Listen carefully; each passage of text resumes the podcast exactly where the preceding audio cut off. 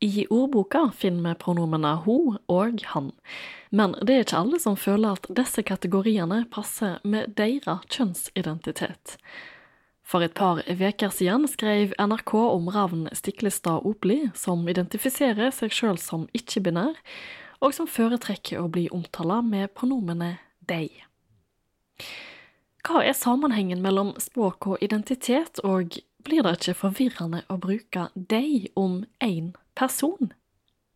Og med meg i dag for å snakke om dette er forfatter og språkviter Helene Uri. Velkommen. Tusen takk skal du ha for det. Og språk og identitet er jo nært knytt til hverandre. Hva betyr egentlig språk for identiteten vår? Ja, Det enkle svaret på det er jo at den betyr uh, veldig mye.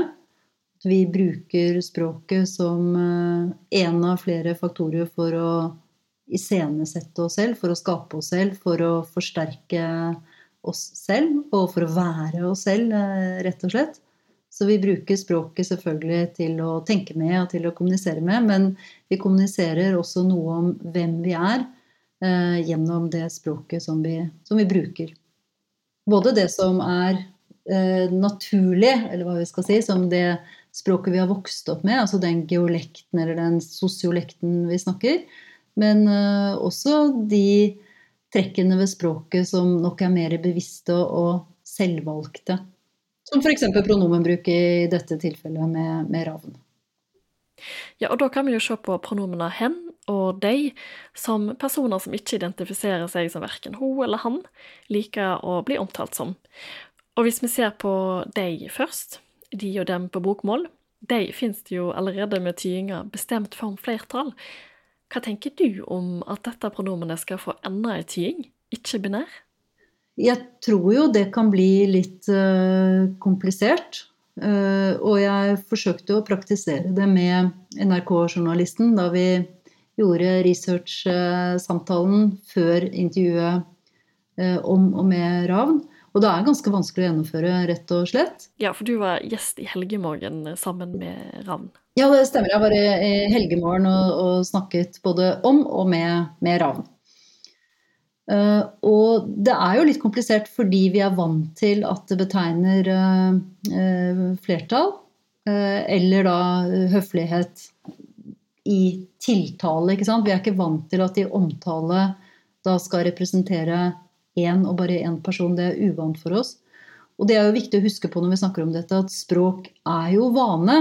Slik at hvis mange hadde begynt å bruke de og dem, eller deg, deg, da, på, på nynorsk på den måten, eller hvilken dialektform av de man Her har vi jo et, et bredt spekter. Eh, hvis man hadde begynt å bruke det, og dette hadde blitt vanlig, blitt frekvent, blitt eh, utbredt, så hadde vi jo taklet det fint. For det er jo ikke sånn at eh, ord i språk bare betyr én og bare én ting. Sånn er det jo ikke. Vi har jo mange, mange mange eksempler på ord som betyr forskjellige ting. Og vi, vi klarer oss stort sett å Vi går ikke surr allikevel.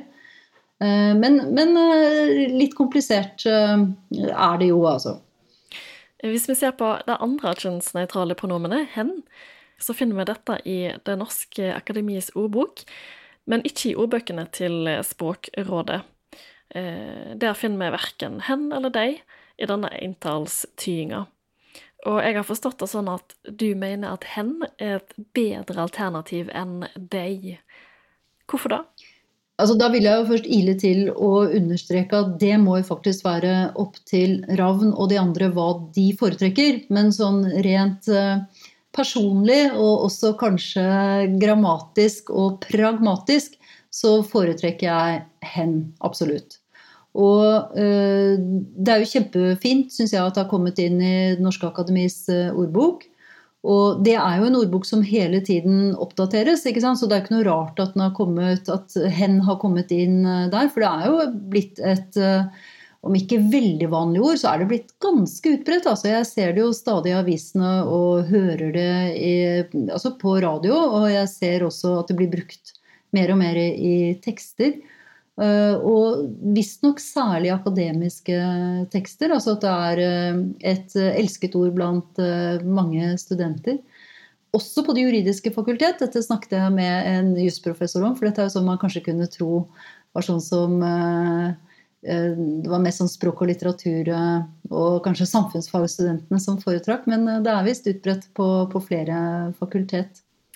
Ja, for det er jo ikke bare folk som ikke passer inn i ho og han-kategoriene eh, hen blir brukt, men òg i de tilfellene der en ikke snakker om en bestemt person. Absolutt. Og det er, jo, det er, jo, på den måten det blir brukt for det meste, tipper jeg, i akademiske tekster og ellers. Og det kan brukes både om ikke-binære eh, personer, og så kan det da brukes i mer sånn generell betydning hvis man skal si at eh, ja, en forfatter må passe på at han alltid har med seg papir og blyant. ikke? Så, som er den tradisjonelle måten å si det på. At man sier at han, det refererer til alle mennesker av alle typer og kjønn. Uh, og her er det jo noen av oss som ikke kanskje er helt enig i at han er så kjønnsnøytralt, og som da har begynt å bruke han skråstrek hun, eller vedkommende, eller prøve å skrive om til flertall, eller et eller annet sånt noe. Men der kommer altså hen inn som et hendig lite pronomen som jeg er blitt veldig glad i, faktisk. Vi får jo inn nye verb og, og substantiv hele tida. Hva er det med pronomen som gjør det så mye vanskeligere? Mm. Det er nok det er vanskeligere å få inn et pronomen, fordi det tilhører jo det vi kan kalle en lukket ordklasse, der det vanligvis ikke kommer nye medlemmer. Det er et finitt antall medlemmer i den ordklassen. Sånn, sånn opplever vi det. Eh, mens verb og substantiv og adjektiv det, det, strømmer jo på oss eh, antagelig hver eneste dag. Så kommer det jo inn nye ord i norsk. Og det er jo, ikke sant, altså Se på alle ordene som koronaen har brakt eh, med seg. Bl.a. koronaen sånn i, i bestemt form. og altså alle disse her morsomme nyordene som folk begynte å bruke i ren desperasjon på hjemmekontorene. altså og jeg som forfatter, altså koronarulling, det var vel et sånt begrep for uh, stakkars artister som uh, opptrådte og hvor de ble vipset til sånn fortløpende mens de opptrådte på, på, nettet. Og så har vi jo hoste, skam, og vi har hyttebot, og vi har, vi har, en rekke nye ord som kommer inn. Så dette er det normale. Det kommer nye ord inn i språket absolutt hele tiden. Men det at det kommer et nytt pronomen, det er en, en liten begivenhet. Um, og jeg vet ikke om det er derfor primært folk reagerer. fordi det er jo mange som ikke liker hen. Og det vet jeg uh, veldig godt, fordi jeg skriver språkspalte i Aftenposten. Og jeg hadde faktisk ikke mindre enn tre språkspalter på rekke og rad for kanskje et par år siden om hen.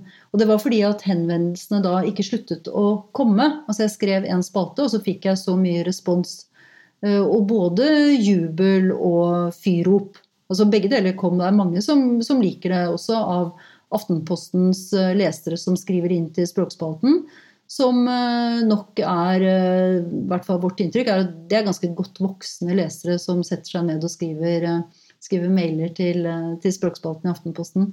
Men det var mange som likte hen. Og så er det noen som syns det er fælt. Og det handler nok minst like mye om at det rokker ved de tradisjonelle kjønnsskillene vi har. ikke? Vi, vi, er vokst opp i en verden som er delt i kvinner og menn, og sånn er det. Og det er to kjønn, og ferdig med den saken. Og når det landskapet begynner å forandre seg, og det, det dukker opp mennesker som sier at ja, men hør, sånn er det ikke, det er ikke så enkelt, så, så tror jeg dette grunnen til at man reagerer på hen og på ja, pronomen som, som, de og dem, det er jo mye mer det at det rokker ved den ganske sånn fasttømrete forestillingen Jeg tror jeg kan tillate oss å si vi har hatt helt inntil nokså nylig om kjønn. For det har vært et veldig, et veldig tradisjonelt syn på kjønn. Det er to ferdig med det.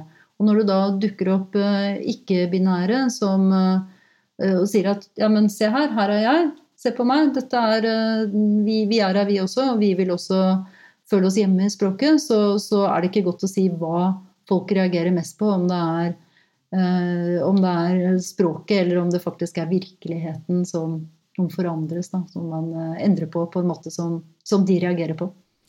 Ja, sant. Og kjønnsdebatten er jo et veldig stort tema, men som òg blir reflektert i språket. Og språket er jo alltid i endring, eh, sånn som òg Røynda vi lever i, eh, er, som du var inne på. hva er relasjonen mellom holdninger og språk? Ja, Den relasjonen er veldig tosidig. For det er jo helt klart sånn at våre holdninger de gjenspeiler seg i språket.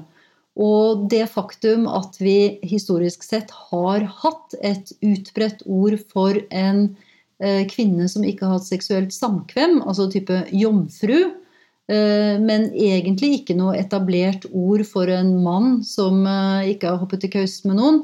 Altså du har et ord som Sven og Svein, men det brukes, brukes veldig lite. Eh, og det at man har hatt et ord som hanrei, altså som betyr en eh, mann som har blitt bedratt av sin kone, men ikke et tilsvarende ord for en kone som blir bedratt av en mann. For det er vel sånn man bare må regne med. Det sier jo noe om holdninger i et samfunn. Og det samme, eh, samme fenomen finner vi for så vidt når vi ser hvor maskulint dominert eh, alle språk er. Men nå er det jo norsk vi snakker om. altså At man snakker om eh, en nordmann og en sidemann og rødmann og manne seg opp og være mann for noe osv. så videre Og og, og også alle disse yrkesbetegnelsene som altså brannmann, eh, embetsmann, eh, fylkesmann, eh, sysselmann, politimann, stortingsmann. Ikke sant? Så, så, det er klart at de holdningene vi har, altså det et samfunn er, det avspeiles i språket. Og så er det motsatt, at eh, språket også påvirker holdningene våre. Så det at vi tviholder på gamle yrkesbetegnelser f.eks., det kan jo være med på å gjøre at likestillingen mellom kjønnene går saktere. Så jeg syns jo det er kjempefint at det nå heter statsforvalter og ikke fylkesmann, og at det heter sysselmester og ikke sysselmann, og at vi snakker om stortingsrepresentant. Eventuelt stortingsmann hvis det er en mann, og stortingskvinne hvis det er en kvinne. Eh, og et helt ferskt og veldig, veldig konkret eksempel, det er jo det at da helsesøster skiftet betegnelse og rett og slett ble helsesykepleier, altså gikk fra en kjønnet betegnelse til en kjønnsnøytral sådan, så steg altså det eh, mannlige søkere det steg med tre ganger. Altså det var tre ganger så mange mannlige søkere eh, året etter at eh, det skiftet fra helsesøster til helsesykepleier. Og jeg har lest mange psykolingvistiske studier som viser at vi lar oss påvirke av ord. Og også ord som vi, vi tror er kjønnsnøytrale. For mange vil jo si at ja, nordmann f.eks. er kjønnsnøytralt. Og ja, på et vis er det det. Det betegner både kvinner og menn. Men eh, disse studiene tyder også på at når man sier nordmann, så er det en mann som vil poppe opp i eh, de flestes bevissthet allikevel. Vi har jo tre grammatiske kjønn i norsk. Hankjønn, og intetkjønn. Mm. Er det fremdeles meningsfullt å ha en sånn inndeling? Det er i hvert fall ikke opp til oss å, å bestemme det, jeg tror. Dette er jo de grammatiske kjønnene som, eh, som vi som språkbrukere Dette tar vi jo bruk hver gang vi, vi tar et substantiv i vår munn. Eh, og det er jo mye å si om grammatisk kjønn. Jeg kan jo nevne i forbifarten at mange grammatikere de vil jo si at det kanskje ikke er så god grunn til å regne med tre kjønn på norsk, men at vi bare har et felleskjønn, altså hannkjønn og hunnkjønn sammen, og så intetkjønn. Og det kan godt hende at det er det. Det er jo ikke sånn at vi bøyer alle, alle adjektiv som står til substantivene f.eks. i tre kjønn. Det gjør vi jo ganske sjelden. Eh, det er egentlig bare noen få vi bøyer på den måten. Ikke sant? Altså liten, da. Da kan vi si at det heter liten, lita og lite. Men eh, altså type grønn, så er det jo grønn og grønn og grønt. Ikke sant? Sånn at de fleste adjektiv de, de har samme form i hannkjønn og hunnkjønn. Så, men, eh, men, eh, nok om det. Også, men det er jo veldig mye morsomt å si om grammatisk eh, kjønn. Jeg syns jo f.eks. det er kjempegøy å tenke på alle de ordene som vi låner fra eh, engelsk. For det gjør vi jo. Vi låner jo store mengder engelske substantiv. Og engelsk er jo et språk som ikke har grammatisk kjønn. Alle ordene er, eh, altså Enten så har de ett kjønn, eller så har de ingen kjønn. kommer litt an på definisjonen. Og alle de substantivene de kommer jo inn i norsk, og da må de kjønnes. Ikke sant? Med e, hvis vi skal produsere en eh, setning, så må vi faktisk vite kjønnet på det substantivet. Og det gjør vi jo. Vi, vi kjønner alle engelske lånte substantiv. Og de ender jo stort sett opp som hannkjønn. Så det er eh, noen, kanskje rundt 15% som blir uh, intetkjønn. Uh, og så blir resten hannkjønn. Og det er jo altså, Må jo bare si det at hunnkjønn der, det der står ikke feminismen så sterkt, altså. Hunnkjønn er på Det er virkelig den tapende part når det gjelder tildeling av kjønn fra engelske substantiv i, i, norsk. Og så har vi disse assosiasjonene. Det er jo altså sånn at språkbrukere får assosiasjoner ut fra det grammatiske kjønnet, altså hvis man snakker et språk som har grammatisk kjønn. Iallfall så er det noen undersøkelser som tyder på at det er på den måten. Og, og jeg leste en undersøkelse en gang som viste at tysktalende, der substantivet nøkkel er et hannkjønnsord, har helt andre assosiasjoner enn det spansktalende har til eh, nøkkel, for der er nøkkel hunnkjønn. Og tyskerne de begynner å tenke i retning av nøkkel, mm, det er et hannkjønnssubstantiv, og assosiasjonene deres det er altså har og det å stikke noe inn i noe. Mm -hmm. Mens eh, de spansktalende de ser heller for seg noe i retning av noe, noe, vakkert og noe blankt og noe skinnende når de tenker på nøkkel, som altså er hunnkjønn på deres språk. Sånn at dette er eh, Vi, vi flytter altså med oss noen assosiasjoner eh, som, som knyttes til det grammatiske kjønn også. Mm. Dette her er jo veldig gøy, men vi skal gå fra grammatisk kjønn tilbake til de kjønnsnøytrale pronomene hen og de. Um, og hen da har jo kommet inn i norsk fra finsk via svensk, og de uh, kommer fra engelsk, de. Hvordan har andre språk eh, løst utfordringer med kjønnsnøytrale pronomen? Vi kan jo begynne med å si at uh, mange språk ikke har det problemet. De eh, har ett og samme substantiv for han og hun og det og den, da. Eh, sånn at eh, altså språk som persisk, finsk, tyrkisk Der er det ett og samme pronomen. Så å på tyrkisk, det betyr både, både han og, og hun. Så da, da, slipper de jo å løse det. Ehm, men ellers så i de vestlige språkene som, som jeg kjenner til, så strever man jo med forskjellige varianter. Altså tyskerne har jo mye sånn skråstreker og storbokstaver. og engelsk, De engelske språklige holder jo på med enten they og dem eller ze. De har laget forskjellige varianter. Og også s-he. Sånn, en sånn variant av uh, she. Den kanskje, fungerer kanskje best i, i skrift. Eh, så, så, så, dette må man løse på, på, forskjellige måter. Og jeg skal absolutt ikke forsøke å tre mine preferanser over hodet på, på noen. Det, for å bare gjenta det, dette må jo de som skal bruke de som skal omtales med disse pronomene, det må de få lov til å finne ut av selv. Men jeg syns jo hen er forbilledlig vakkert og flott og praktisk. Eh, og vi har jo hele bøyningsmønsteret også. Altså hen i subjektsform, hen i objektsform og hens i da eierform. Så vi har det fiks ferdig her. Gjør sosiale medier at språket endrer seg fortere, eller på en annen måte enn, en før? Jeg tror du har rett i at språket endrer seg enda fortere. Eh, og det sprer seg iallfall fortere. Fordi man, eh, man eh, det, det, det, kan jo spre seg kjemperaskt ikke sant? på Twitter eller via memes eller via ikke sant? Altså, så ja, sosiale medier gjør at vi har tilgang til mye mer stoff på andre språk. Og andre språk betyr jo stort sett for oss som bor i Norge, det betyr jo engelsk. Dessverre. Det er, det er stort sett bare det vi forholder oss til. Og det er jo sånn at eh, pronomene de og dem, eller deg og deg, det, det kommer jo fra deg og dem på, på, engelsk. Og det er jo ikke noe å være overrasket over i det hele tatt. For det, er, det finnes jo selvfølgelig mye mer stoff om ikke-binaritet på engelske forum, engelske nettsider. Det debatteres og diskuteres mye mer der enn enn det gjør i Norge. Det er jo et mye større miljø, rett og slett. Altså, det er jo flere det er, snakk om. Det jo, engelske språksamfunnet er jo kjempestort. Så dette er jo ikke noe rart. Uh, og jeg tror jo også at de og dem ikke hadde vært suget av eget norsk språkbryst.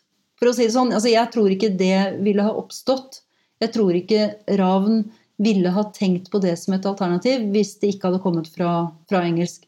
Så da tror jeg vi ville kommet opp med noe annet, altså hen eller noe tilsvarende eh, i Skandinavia. Hva pronomen tror du vi sitter igjen med til slutt? Nå er det jo en egen prosess med å få inn et ord i ordboka, men tror du det blir hen, eller blir det deg, eller kommer det helt nye pronomen? Altså Det å få noe inn i, i bokmålsordboka, nynorskordboka, det er jo noe annet enn at det kommer inn i språket. For det, jo, det skal jo først inn i språket, og der er det jo. Og så skal det jo bli så frekvent at man anser det som riktig å ta det inn i ordboken. Og det har jo Norske Akademis ordbok allerede gjort. Og jeg tror dette skyldes like mye at den oppdateres oftere enn bokmåls- og nynorskordboka. Som en, det er ikke noe uvilje fra, fra, fra bokmåls- og nynorskordboka. Eh, de bare har en annen måte å redigere på. Eh, men så spørs det jo hva som blir i språket, og om dette kommer til å bli brukt av store grupper. Og jeg tror jo at eh, hen godt kan etablere seg ganske grundig i norsk. Det tror jeg. Og så vel, stiller jeg meg vel litt mer undrende, spørrende, tvilende til de og dem. Altså brukt om entall. Men det gjenstår jo å se, og det er altså opp til oss, opp til språkbrukerne, om vi kommer til å godta dette, bruke dette, og bruke det så ofte at det blir en del av av det norske vokabular. Helene Uri, tusen takk for at du var gjest i Dag og Tid-podkasten denne veka. Det var kjempehyggelig å få lov til å være her. Tusen takk for at jeg fikk det.